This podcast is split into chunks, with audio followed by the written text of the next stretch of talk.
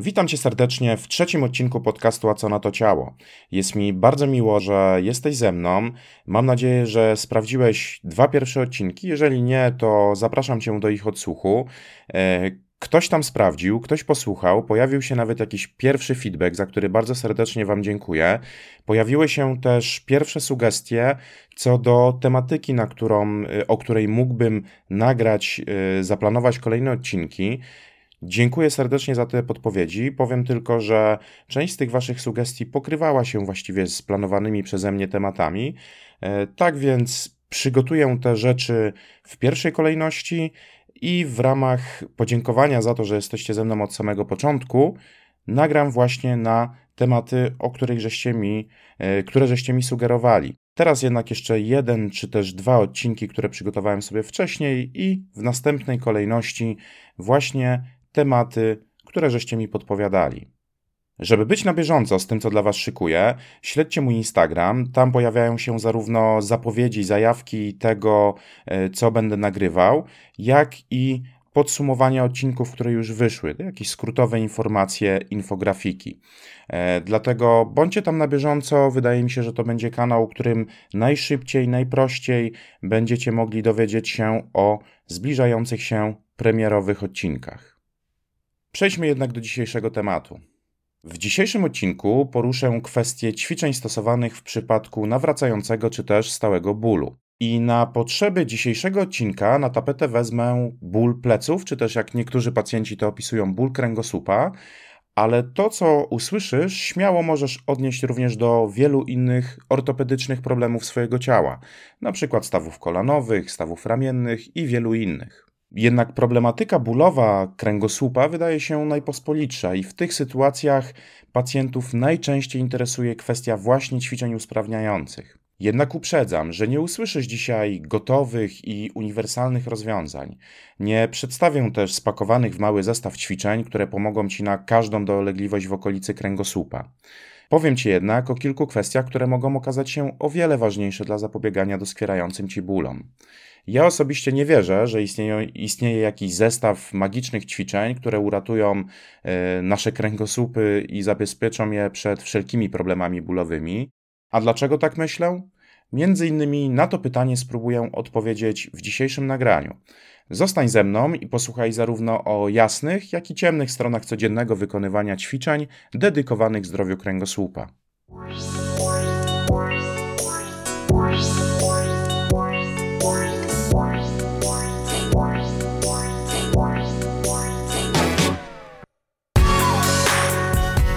Większość z nas pędzi przez życie próbując nadążyć za kolejnymi wyzwaniami i celami. Bardzo dużo czasu spędzamy w biurach i autach, mamy kiepskie nawyki żywieniowe, towarzyszy nam stały stres. Bardziej świadomi z nas próbują nadrabiać te niedogodności uprawiając sporty, stosując rozmaite diety, czy też testując wszechobecne gadżety i nowinki techniczne. A co na to ciało? Nazywam się Mateusz Kępka i zapraszam Cię na podcast o rozsądnym podejściu do zdrowia, widzianego oczami fizjoterapeuty. Podcast nie jest poradą medyczną. Źródło wiedzy, jakim jest internet, nie zastąpi konsultacji z odpowiednim lekarzem lub terapeutą.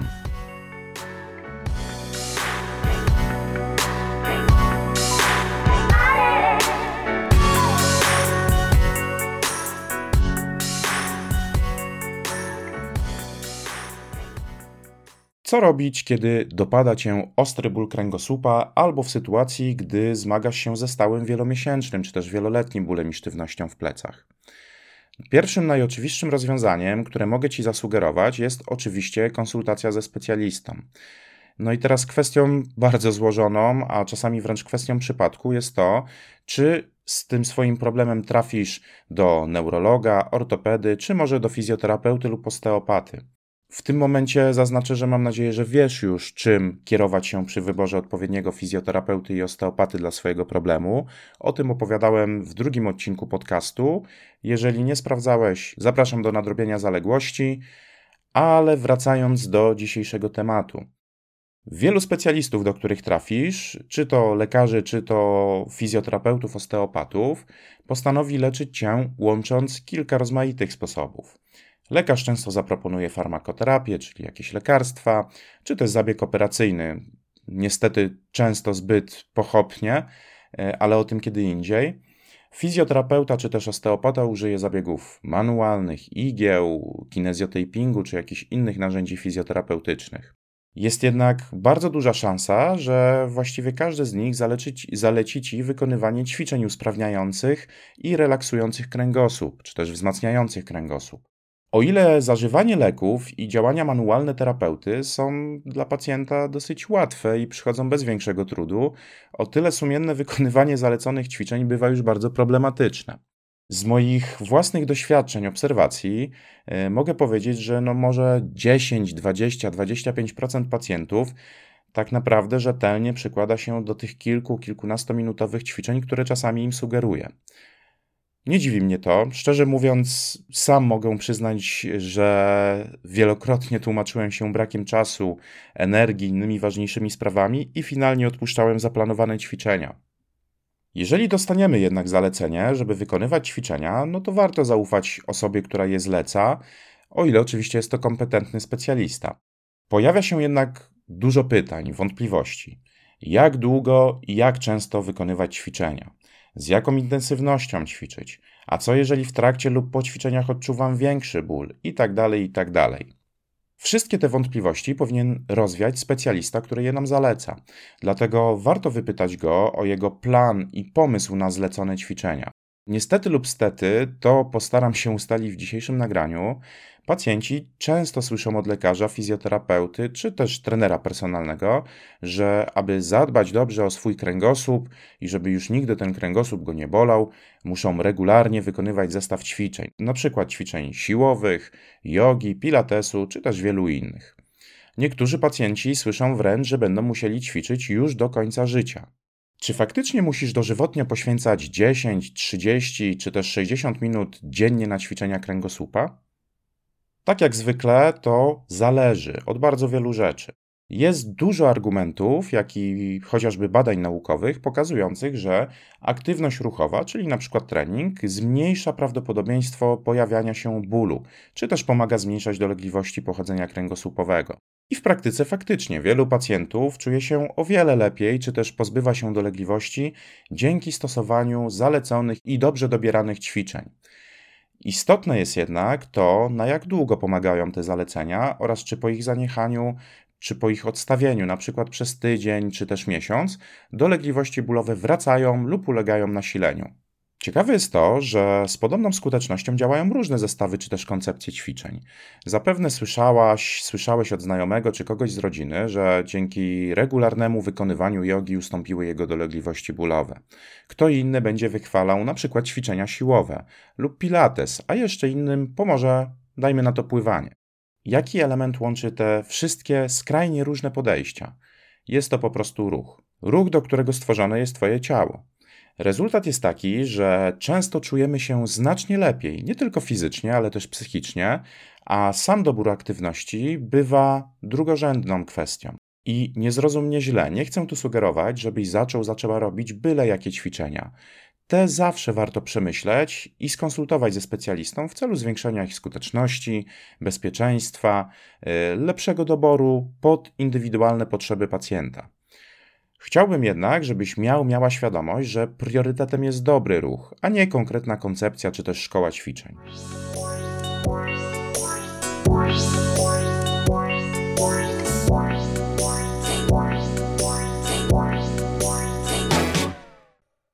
Wróćmy jednak do pytania z tytułu dzisiejszego odcinka. Czy musisz codziennie ćwiczyć, żeby pozbyć się bólu pleców? Są sytuacje, w których faktycznie ćwiczenia są niezbędne, żeby utrzymać sprawność czy też spowolnić pogłębianie się problemu bólowego. Mam tu na myśli pacjentów cierpiących na przewlekłe choroby, których ofiarą jest m.in. kręgosłup. Przykładem może być zesztywniające zapalenie stawów kręgosłupa, w, skrócie ZCTSK. Jest to choroba reumatyczna, dotykająca akurat częściej e, mężczyzn. Objawia się ona sztywnością głównie poranną i bólem e, okolicy pośladków, dołu pleców. To są takie najpospolitsze objawy. E, I w chorobie tej nie wiadomo z jakiego powodu nasz układ odpornościowy atakuje stawy właśnie tam, tego regionu ciała, w pierwszej kolejności tego regionu ciała i powoduje nawracające stany zapalne właśnie tych stawów. Efekt jest taki, że te stawy bardzo szybko się zużywają, szybko dochodzi do wytworzenia się zmian zwyrodnieniowych. Oczywiście to, towarzyszy temu sztywność, ból, bardzo częsty dyskomfort. I w tej, jak i w kilku innych chorobach, regularne wykonywanie dobrze zaleconych ćwiczeń pomaga zmniejszyć odczuwanie tego bólu i spowolnić destrukcyjny wpływ choroby na struktury kręgosłupa. Dlatego jest to jeden szybko wyciągnięty przykład tego, że są choroby, przypadłości, w których jak najbardziej warto tą regularną aktywność ćwiczenia kręgosłupa wykonywać. Również osoby z mocno zaniedbanymi problemami kręgosłupa, np. będące po kilku zabiegach operacyjnych w jego rejonie, mogą wymagać regularnych ćwiczeń, żeby zmniejszyć swoje dolegliwości i tym samym np. ograniczyć stosowanie leków przeciwbólowych. Kolejna sytuacja, w której codzienne ćwiczenia mogą być konieczne, jest ogólne zaniedbanie ciała. Jeżeli ktoś zmaga się na przykład z otyłością, ma fatalne nawyki żywieniowe, których nie poprawia i nie zmienia, to zdecydowanie nie działa przyczynowo na problemy bólowe w rejonie kręgosłupa. W takiej sytuacji regularne ćwiczenia kręgosłupa y, mogą być skuteczne w zaleczeniu bólu, a może nawet być to wstęp do jakichś mocniejszych, konkretniejszych zmian w higienie ruchu i żywienia. No oczywiście, najrozsądniej i skuteczniej będzie poradzić sobie wtedy z nadwagą, ponieważ jest spora szansa, że ta zmiana długotrwale wyzwoli nas od dolegliwości bólowych właśnie w rejonie pleców. Zapewne również inne rejony ciała i cały organizm skorzysta na tej zmianie w znacznym stopniu. Również wyczynowi sportowcy, których intensywny trening może znacznie przeciążać struktury kręgosłupa, mogą stosować regularne i profilaktyczne ćwiczenia, których celem jest przynajmniej częściowe zrekompensowanie tych przeciążeń. Obecnie chyba większość z nas już zdaje sobie sprawę z tego, że wyczynowy sport nie jest zdrowiem, jak to się kiedyś mawiało, no ale jeżeli już ktoś ma pasję, zarabia na tym pieniądze, czy planuje zarabiać na tym pieniądze, yy, stosuje trening, który faktycznie realnie może przeciążać pewne struktury kręgosłupa, no to rozsądnie będzie wykonywać regularnie jakiś pakiet zaleceń, który będzie miał te zmiany troszeczkę rekompensować.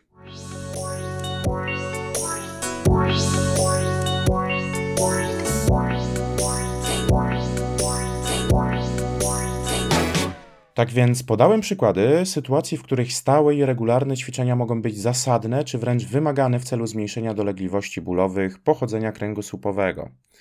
Teraz jednak użyję kilku argumentów przemawiających za tym, że w wielu przypadkach codzienne ćwiczenie kręgosłupa nie ma sensu, a czasami bywa wręcz szkodliwe. Czy można uzależnić się od ćwiczeń i tym samym zaszkodzić swojemu kręgosłupowi? Moim zdaniem zdecydowanie tak.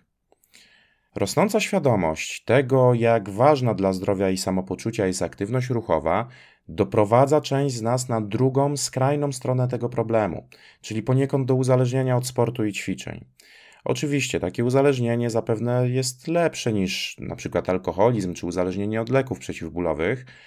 Podobnie jednak jak klasyczny przykład uzależnień, również ta sportowa forma może mieć swoje niekorzystne konsekwencje. No i teraz oczywistymi rzeczami są prawdopodobne kontuzje i przeciążenia. Aspekt psychologiczny takiego uzależnienia sobie dzisiaj darujemy. Możliwe, że kiedyś taki wątek pojawi się w rozmowie z jakimś specjalistą od zdrowia e, psychicznego. Co w takim razie w sytuacji, kiedy przyzwyczailiśmy swoje ciało do codziennego treningu, ćwiczeń, ale nagle z jakiegoś powodu zdecydujemy, czy też będziemy zmuszeni przerwać nasze aktywności? Choroba, pechowa kontuzja, czy też kolejny lockdown, albo po prostu nagłe zmiany życiowe, które, przez które rezygnujemy z tak częstej aktywności. Coraz częściej w gabinecie zdarzają się pacjenci uprawiający jakiś sport kilka razy w tygodniu. Nierzadko jest to 6-8 jednostek treningowych tygodniowo i więcej, a ja mówię tutaj o ludziach, którzy wykonują normalne zawody, czyli nie o zawodowych, wyczynowych sportowcach. Często obserwuję, że nagłe obniżenie ilości ćwiczeń wiąże się z pojawieniem się czy też odnowieniem, nawrotem dolegliwości bólowych właśnie w okolicy kręgosłupa. No i można by pomyśleć, że ewidentnie przyczyną nawrotu tych dolegliwości jest zaprzestanie wykonywanych ćwiczeń. Czy jest to jednak normalne, że regularnie i często ćwiczone ciało zaczyna buntować się już po kilku czy też kilkunastu dniach bez sportu? A może to coś w stylu syndromu odstawiennego? W tym miejscu postawię drugą odważną tezę. Człowiek nie jest stworzony do tego, żeby ćwiczyć. Mimo ogromnych możliwości i wszechstronności, z jaką natura obdarzyła nasze ciała, e, wygląda na to, że nie zostały one zaplanowane do wykonywania codziennych zestawów ćwiczeń czy też sportów, a na pewno nie w takiej formie, jaka odbywa się w wielu siłowniach, salach ćwiczeń, tym bardziej na dywanie w domu. Podstawowymi formami ruchowymi, które są niezbędne dla zaspokojenia potrzeb naszego układu ruchu, jest chodzenie w różnym tempie, częste zmiany pozycji, schylanie się, radzenie sobie z rozmaitymi przeszkodami terenu itd. Tak itd. Tak Te aktywności powinny zapewniać naszemu organizmowi naturalny trening. Sami pewnie przyznacie, że w dzisiejszym świecie wielu z nas praktycznie ich nie doświadcza. Dlatego bez zaspokojenia tych podstawowych potrzeb ruchowych, ratowanie się samymi ćwiczeniami może być niewystarczające. Mało tego, e, wygląda na to, że deficyt tego naturalnego podstawowego treningu zwiększa ryzyko, że później konkretny trening, jakaś aktywność sportowa, którą e, uprawiamy raz czy kilka razy w tygodniu, może być bardziej kontuzjogenna. Dlatego, jeżeli chcesz bezpieczniej i poniekąd poprawniej uprawiać ukochaną piłkę nożną, wspinać się, czy grać w skłosza, jeździć na rowerze itd., e, itd. Tak tak pamiętaj, żeby przygotować do tego swoje ciało. Regularne spacery, częste wstawanie od biurka w pracy i inne podstawowe czynności angażujące Twoje ciało są w tym niezbędne. Teraz kolejne stwierdzenie, które może zdziwić część z Was. Najczęstsze problemy dotyczące bólu pleców, z którymi zgłaszają się do nas pacjenci, nie są problemami na tyle poważnymi, żeby wymagały regularnego i stałego wykonywania ćwiczeń. Oczywiście, zdarzają się pacjenci z bardzo dużymi problemami, nawet takimi kwalifikującymi ich do zabiegów operacyjnych, yy, neurochirurgicznych, ale standardowe epizody rwy kulszowej czy też lumbago, e, czyli takiego ogólnego bólu pochodzenia kręgosłupa lędźwiowego, w mojej opinii powinny być skutecznie leczone właśnie poprzez zmianę nawyków ruchowych i trybu życia. Oczywiście, na etapie czy też w momencie tych największych, znacznych dolegliwości bólowych, interwencja lekarza, fizjoterapeuty czy też osteopaty bywa zbawienna ale po wstępnym ogarnięciu problemu, mm, po pozbyciu się tych pierwszych, e, najbardziej wrednych dolegliwości, kluczowym postępowaniem jest poprawienie tego, co długotrwale, już od dłuższego czasu przyczynia się do choroby, przykład do choroby dyskopatycznej. Czasami jest to kwestia odżywiania, chorób współtowarzyszących, ale zazwyczaj również są to zaniedbania w sferze ruchu, o których już wspominałem. I to właśnie zmiany w tych codziennych czynnościach często pozwalają na długo uspokoić dolegliwości bólowe, a konkretne ćwiczenia mają być jedynie etapem rehabilitacji. Etapem, który z czasem może być odstawiony. W większości z nas brakuje czasu na obowiązki zajęcia, które sprawiają nam radość, które lubimy i chętnie poświęcamy na nie czas, więc czy naprawdę chcemy przeznaczać kilkadziesiąt minut każdego swojego dnia na wykonywanie ćwiczeń? Taka taktyka nie dość, że jest trudna do wyegzekwowania, czy wręcz czasami niemożliwa, to wydaje się, że daje również całkiem krótkotrwałe efekty. Oczywiście u niektórych pacjentów wskazane jest wzmocnienie pewnych regionów ciała, grup mięśniowych, e, co oczywiście można uzyskać wykonując precyzyjny trening. Pamiętaj jednak, że warto nauczyć się też, jak później optymalnie te wzmocnione mięśnie wykorzystywać. Czyli sam fakt, że wykonasz 30, 50 czy 100 powtórzeń. Chociażby glute bridge, wznosów bioder w leżeniu na plecach, e, czyli ćwiczeń dedykowanych pośladkom, no to bardzo fajnie, podpompujesz trochę pośladki, możliwe, że one się trochę wzmocnią, ale ten pośladek ma swoją podstawową funkcję chociażby w trakcie chodzenia czy stania i to wtedy jest okazja, żeby tą wyćwiczoną siłę wykorzystywać. Mięśnie, które chcemy wzmacniać, powinny pełnić swoje funkcje w licznych i codziennych czynnościach.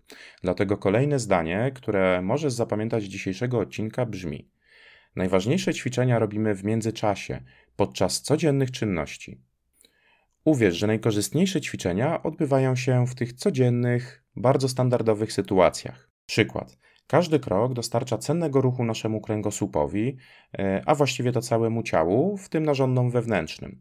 Jeżeli wykonamy około 10 tysięcy kroków dziennie, to będzie to znacznie więcej i będzie to znacznie, znacznie cenniejsze niż wykonanie 10 czy nawet 100 powtórzeń danego nawet bardzo dobrego ćwiczenia. Zdrowie Twojego układu ruchu zależy od tego, jak go używasz na dystansie całego dnia.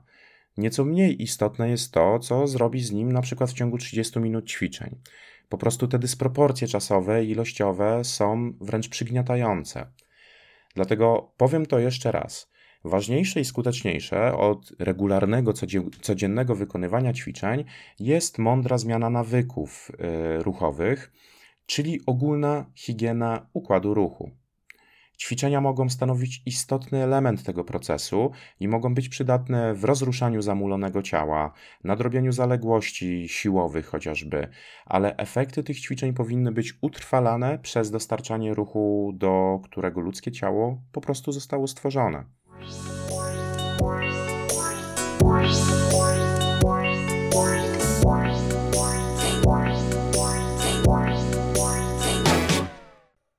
Na koniec jeszcze jeden lekko kontrowersyjny wątek. Bardzo często spotykam się z prośbą o polecenie, udostępnienie, podesłanie jakiegoś dobrego zestawu ćwiczeń dostępnego w internecie. E, szczególnie często pacjenci za pośrednictwem internetu e, wyrażają właśnie taką chęć do zapoznania się z jakimś polecanym przeze mnie zestawem. Czy ćwiczenia z internetu ci pomogą? Moja szczera odpowiedź brzmi, że czasami tak, szczególnie jeżeli ćwiczenia dostarczą Twojemu ciału ruchu, którego na co dzień Ci brakuje. Warto jednak wspomnieć o kilku istotnych, możliwych problemach. Jest spore ryzyko, że zanim znajdziesz odpowiedni dla siebie zestaw ćwiczeń czy też trening, możesz trafiać na słabe czy też nietrafiające w Twoje potrzeby zalecenia. No i nawet jeżeli trafisz na dobry dla swojego problemu filmik, instruktor prezentujący te ćwiczenia nie poprawi Twoich ewentualnych błędów w ich wykonaniu, a chyba wszyscy sobie zdajemy sprawę, że poprawność techniczna i te rozmaite detale są bardzo istotne. Tak jak już wspomniałem, ogólnie ujmując, ruch może zmniejszyć rozmaite dolegliwości bólowe. Dlatego jakieś ćwiczenia również mogą przynieść chwilową poprawę. Pytanie, czy będzie ona precyzyjnie, czy będą one precyzyjnie trafiały w przyczynę Twojego bólu e, i rejon ciała, w którym ta przyczyna się znajduje. A co jeżeli właściwą przyczyną Twojego bólu w dole pleców, w okolicy kości krzyżowej jest jakaś choroba lub stan zapalny, na przykład u mężczyzn prostaty czy u kobiet jajnika, bo jest taka możliwość i takie sytuacje w gabinecie yy, żeśmy mieli. Czy wtedy samodzielne przebieranie w ćwiczeniach dostępnych w internecie, e, które są dedykowane mięśniom, stawom, e, dyskom, czy to będzie korzystne i rozsądne? Oczywiście posłużyłem się jakimś skrajnym przykładem, ale Zapewne każdy doświadczony fizjoterapeuta przyzna się, że spotkał się z takimi sytuacjami, kiedy pacjent czy pacjentka zgłaszają się e, z bólem kości krzyżowej i żadne terapie nie pomagają. Z czasem okazuje się, że właściwą przyczyną tego bólu jest problem z narządami miednicy mniejszej, który się nadaje do leczenia u zupełnie innego specjalisty. W internecie dostępne są setki czy też tysiące filmów i prezentujących najskuteczniejsze ćwiczenia dedykowane bólom pleców. Oczywiście jakiś procent z tych y, zestawów to dobre i skuteczne narzędzia. Każde narzędzie ma jednak swoje właściwe przeznaczenie i sposób użycia. Dlatego, y, nawet jeżeli przy odrobinie szczęścia trafisz na dobry merytorycznie film, pozostaje pytanie, czy ten film trafia w Twoją konkretną przyczynę dolegliwości oraz czy masz wystarczającą świadomość swojego ciała, żeby wykonywać zalecenia poprawnie i bezpiecznie. Ból pleców może wynikać z dziesiątek przyczyn, nie zawsze związanych z mięśniami, stawami czy dyskami. Nawet jeżeli skupimy się jedynie na tych ortopedycznych problemach, to zupełnie inaczej postępuje się w przypadku dysfunkcji mięśniowej, a inaczej przy ostrej chorobie dyskopatycznej. W tych różnych sytuacjach fizjoterapeuci zalecają totalnie odmienne ćwiczenia, różniące się pozycjami wyjściowymi, intensywnością, tempem wykonywania itd. Tak itd. W związku z tym najlepiej robić ćwiczenia, które zleci ci, ci, specjalista, adekwatnie do Twoich potrzeb. Jeżeli zalecenia ruchowe potraktujemy e, jak lekarstwo, to tak jak w przypadku leczenia farmakologicznego, warto kontrolować skuteczność tych ćwiczeń i modyfikować je zależnie od rozwoju sytuacji. Dokładnie tak jak postępuje rozsądny lekarz właśnie z zaleconymi lekami kontroluje, czy dawka nie jest za duża, czy nie pojawiają się jakieś efekty uboczne, e, czy te lekarstwa w ogóle mają jakikolwiek wpływ, bo jeżeli nie, to może pacjent wykonuje, y, zażywa zbyt małą dawkę. Dlatego Tak jak w przypadku leku, podobnie w przypadku ćwiczeń ruchowych, które mają e, leczyć, zaleczać nasz kręgosłup, ważne jest indywidualne dobranie dawki.